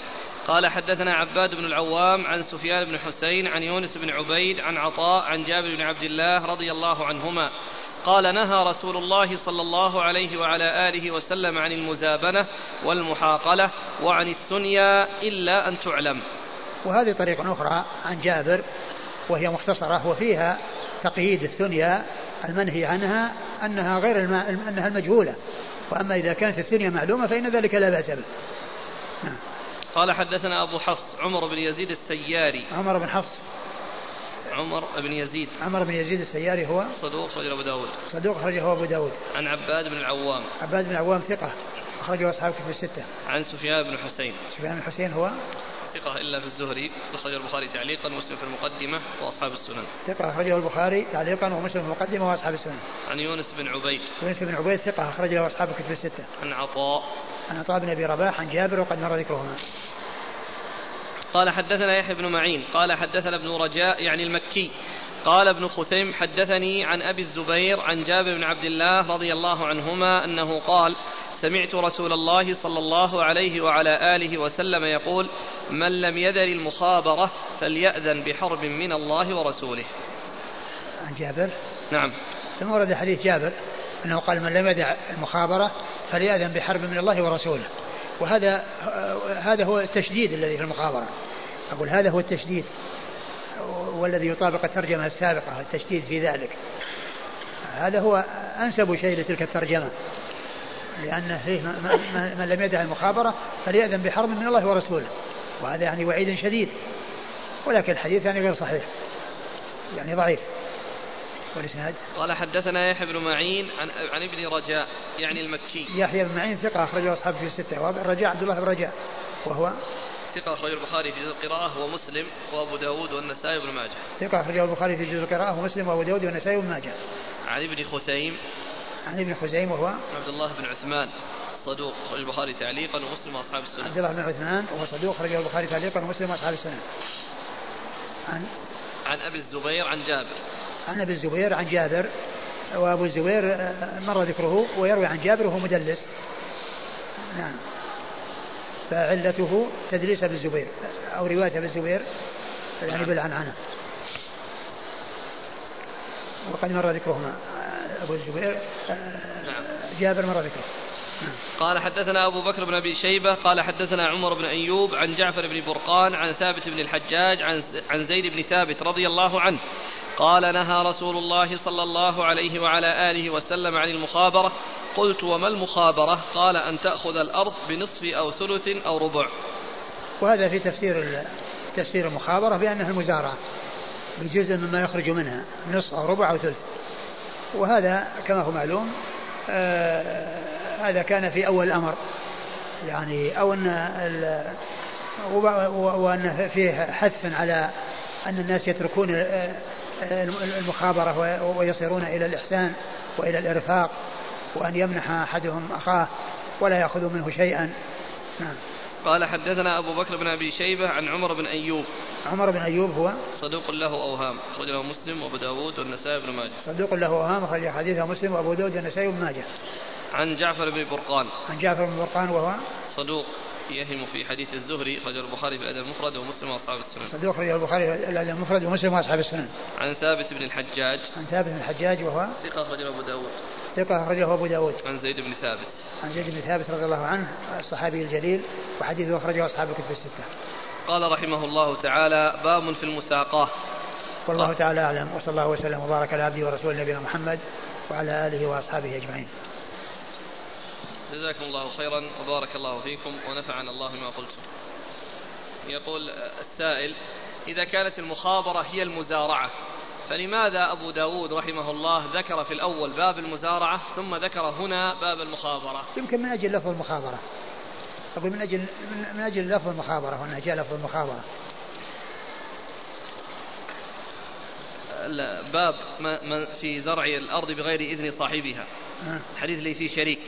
نعم. من زرع في أرض قوم. يسأل عن صحته. وصحيح. وجود شريك ما يأثر؟ صدوق يخطئ كثيرا. أقول صحح بعض أهل العلم. منهم ابن القيم. فيه أمس سؤال ما أمكننا نقرأ عليكم. على شرب الماء. يقول يا شيخ أراك تشرب الماء عند الأذان فهل هذا من السنة؟ لا. أقول لا, لا ليس هذا من السنة. والشرب لأنني سكت. يعني لأن يعني فترة سكوت يعني عن الكلام وعن وعن التدريس. هذا هو السبب يعني. خلينا نشرب.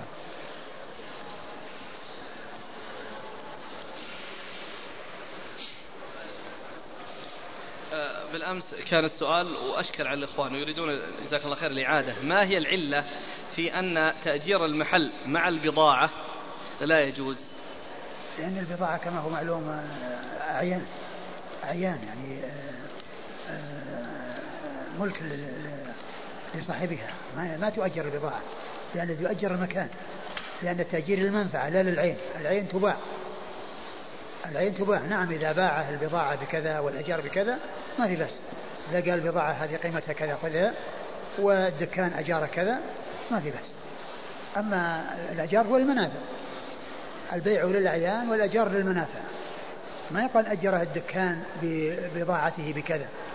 وإنما باعه البضاعة. إذا كان البضاعة ستبقى يبيعها عليه والدكان أجار كذا.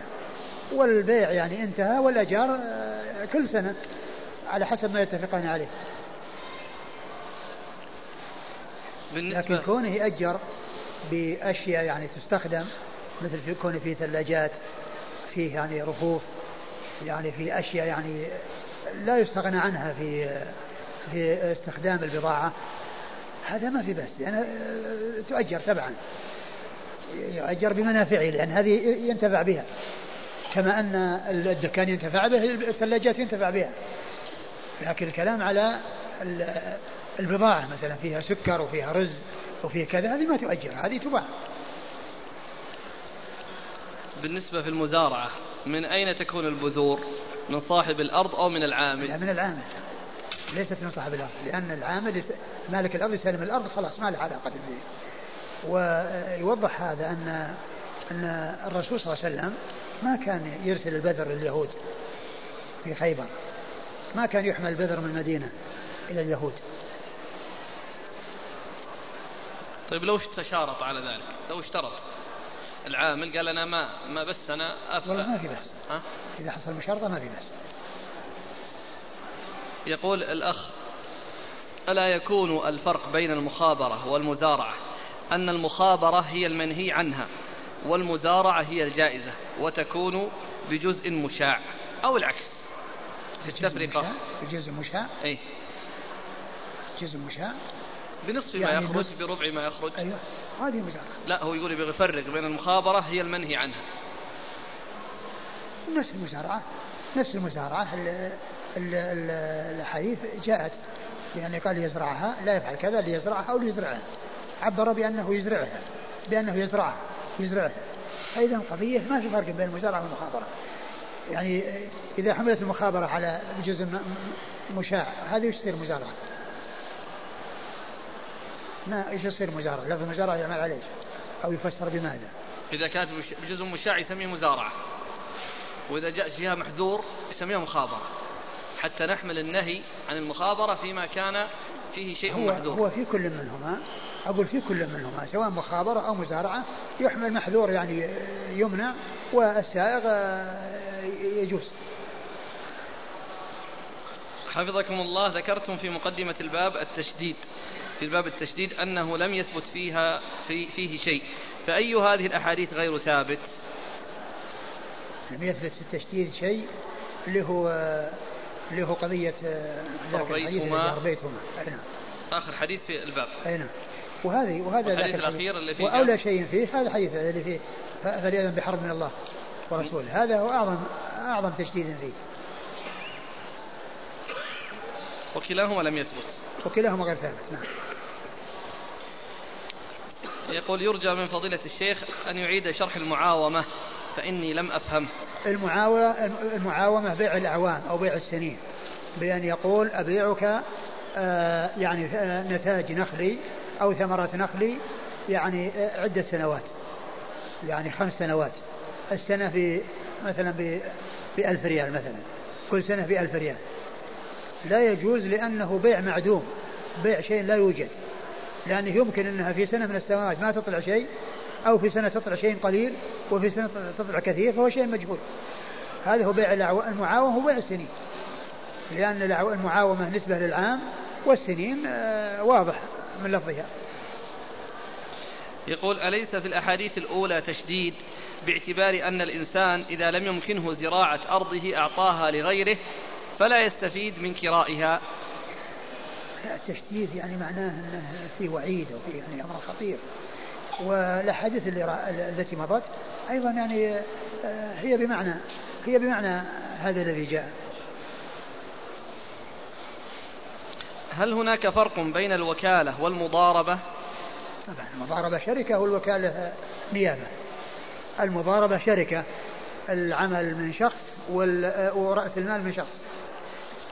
على نسبة يتفقان عليها ثلث وربع وأما الوكالة نيابة.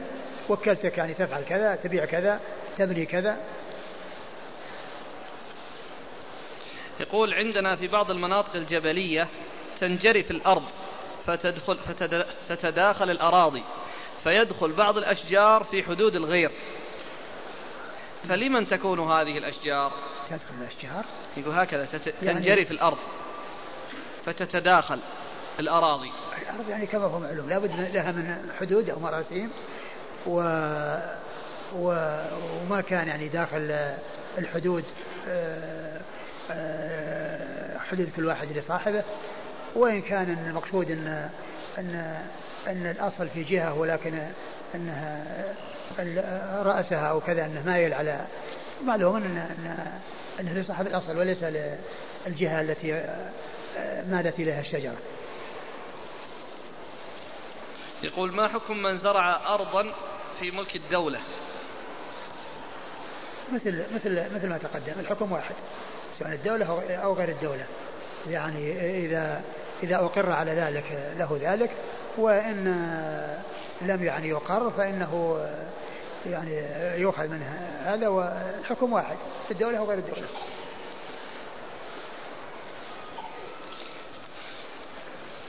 إن لم يوافق صاحب الأرض على ما فعله ذلك الزارع الغاصب. فهل ينفق له صاحب الأرض؟ إن لم يقول إن لم يوافق صاحب الأرض على الزرع اللي زرع. هل النفقة تكون لصاحب الأرض؟ لا بس الأتعاب الأتعاب الذي تعب هذا يعني معناه هل هل يعني يعطى أو أو يصرح بدون أن يأخذ شيئا؟ الحديث ورد أنه يكون عليه النفقة. وإذا حصل خصومة يروح للقاضي. هل يجوز كراء البستان بمبلغ معين في السنة قبل أن يثمر؟ إيه نعم. يعني كون الإنسان يأجر يعني يعطي أرضه مساقات مثلا في نخل ويقول يعني أنه يستأجر هذه الأرض لمدة السنة مثلا بعشرة ألاف ريال. نعم يستخدمها ويسقي الزرع والنخل وذلك له والأجرة في هذه العشرة ألاف. نعم لأنها آه، كما هو معلوم الاستئجار غير الشركة لأن الشركة اللي هي المزارعة يكون على على على الثمرة وعلى نتيجة النتيجة تكون بينهما. وأما التأجير بالدراهم والدنانير فهذا شيء آه، مستقر. آه، هذا له أخذ الإجرة وهذا سلم الأرض. ينتفع بها. إن, إن ربحت كثير فهو له وإن خسرت فهو عليه.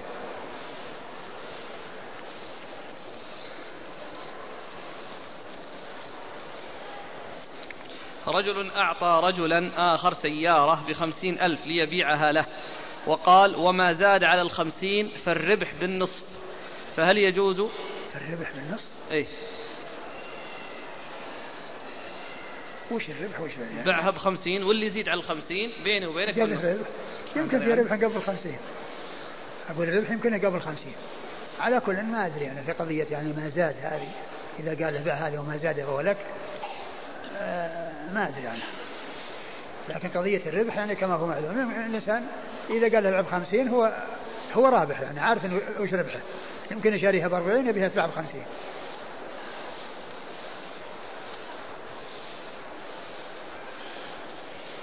يقول حج أخي معنا العام الماضي وفقد إقامته فأتم الحج ولم يطف طواف الوداع وذهب إلى الجوازات ليأخذ خطابا يذهب به إلى الرياض. ثم يعود ويطوف طواف الوداع. ولما توجه إلى هناك أخذوه ولم يتركوه حتى أرسلوه الظاهر إلى السجن. السؤال الآن عن طواف الوداع. كونه يعني آه، حج ولم تطاوف الوداع يكون عليه آه، فدية وهي شاة تذبح مكة وتوزع على فقراء الحرم لأنه ترك واجبا من واجبات الحج. السؤال الأخير نجد اختلاف في إسلام الصحابي الجليل أبو هريرة رضي الله عنه في مناهج التعليم وبين أقوال بعض أهل العلم. فنرجو الإفادة في سنة نرى إيش؟ اختلافا في إسلام الصحابي الجليل أبي هريرة رضي الله عنه. يعني وقت إسلامه يعني. إيه. بين مناهج التعليم وبين أقوال بعض أهل العلم. فنرجو بيان الراجح في ذلك. الذي يعرف أنها أنه أسلم عام خيبر. هذا الذي يعرف عنه. أنه كان إسلام عام خيبر. نعم. جزاكم الله خيرا. وبارك الله فيكم ونفعنا الله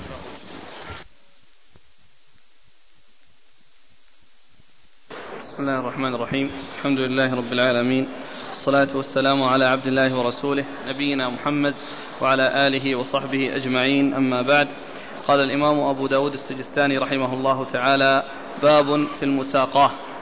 قال حدثنا أحمد بن حنبل قال حدثنا يحيى عن عبيد الله عن نافع عن ابن عمر رضي الله عنهما أن النبي صلى الله عليه وعلى آله وسلم عامل أهل خيبر بشطر ما يخرج من ثمر أو زرع.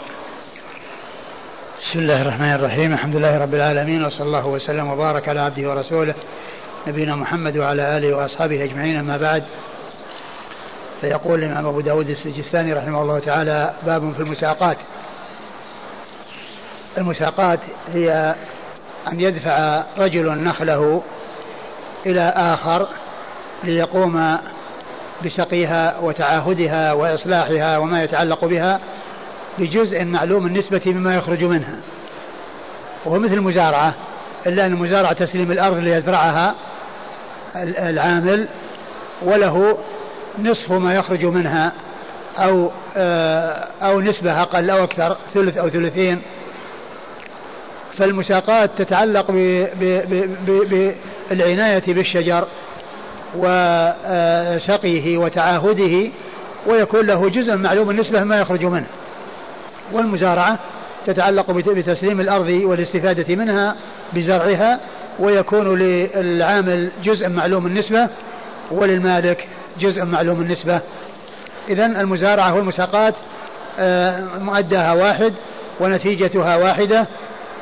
وهي أن كل منهما جائز كما جاءت بذلك النصوص عن النبي صلى الله عليه وسلم وأن المعاملة في المساقات والمزارعة بشيء معلوم النسبة أنه سائغ وجائز وأن الممنوع منه ما كان غير ما كان فيه جهالة كان يقول النخلات الفلانية لي والباقي لك أو النوع الفلاني من من النخل يكون لي ثمرته والباقي لك أو يقول آه، آه، ما آه، ما يكون على على الأنهار وعلى السواقي ويمر به الماء هذا يكون لي والباقي لك هذا كله لا يجوز لا في المزارعة ولا في المساقات.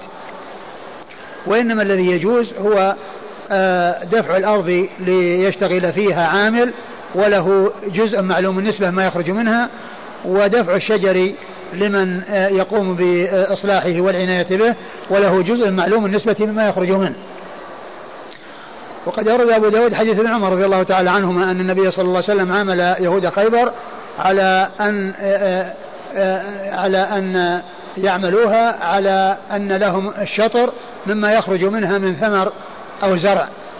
يعني معناه من ثمر فيما يتعلق بالمساقات. ومن زرع فيما يتعلق بال في المزارعة. وقد يكون هذا مستقل وقد يكون هذا مستقل. وقد يجمع بينهما بأن يكون الأرض تكون فيها زراعة وفيها نخل وفيها مساقات وقد تكون أرض يعني فيها مساقات بدون زرع وقد يكون زرع بدون أو مزارعة بدون مساقات وكل من ذلك سائغ وجائز ما دام أنه بشيء معلوم النسبة مما يخرج من الأرض.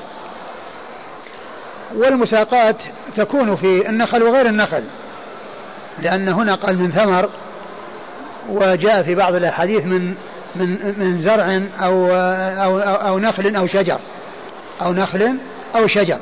يعني معناه يجوز يعني آه، في غير ذلك أي في غير النخل من الشيء الذي آه، آه، يخدم و يعني يعتنى به ويكون للعامل جزء معلوم النسبة مما يخرج من مما يخرج منه.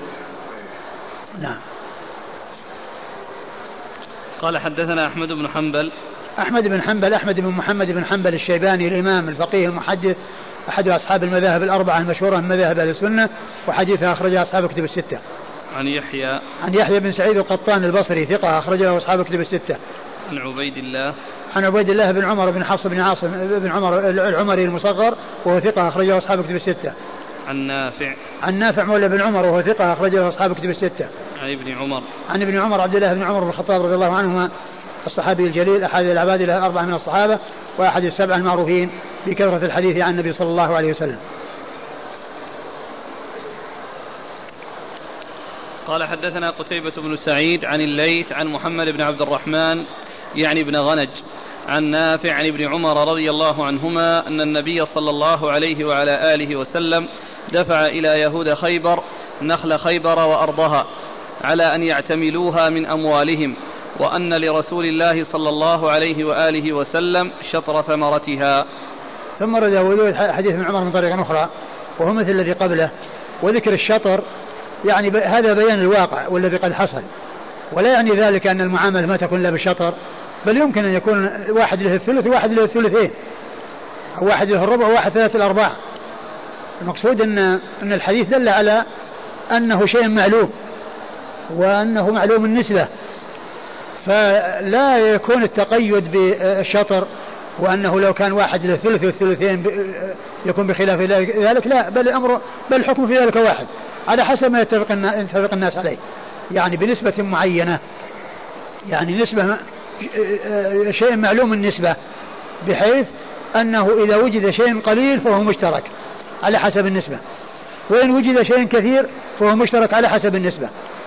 وكل منهما له نصيب من الغلة. والثمرة والنتيجة لهذا العمل. قل أو كثر.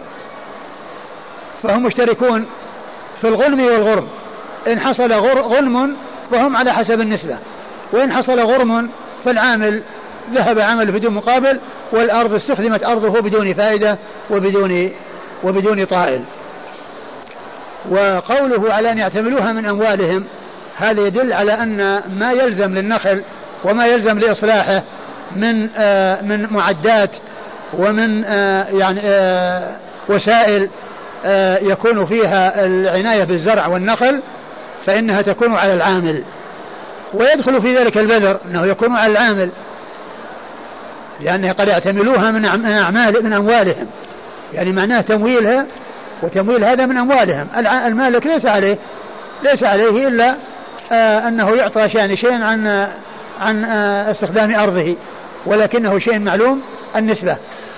والنبي صلى الله عليه وسلم ما كان يرسل البذر من المدينة إلى اليهود وقوله على أن يعتملوها من أموالهم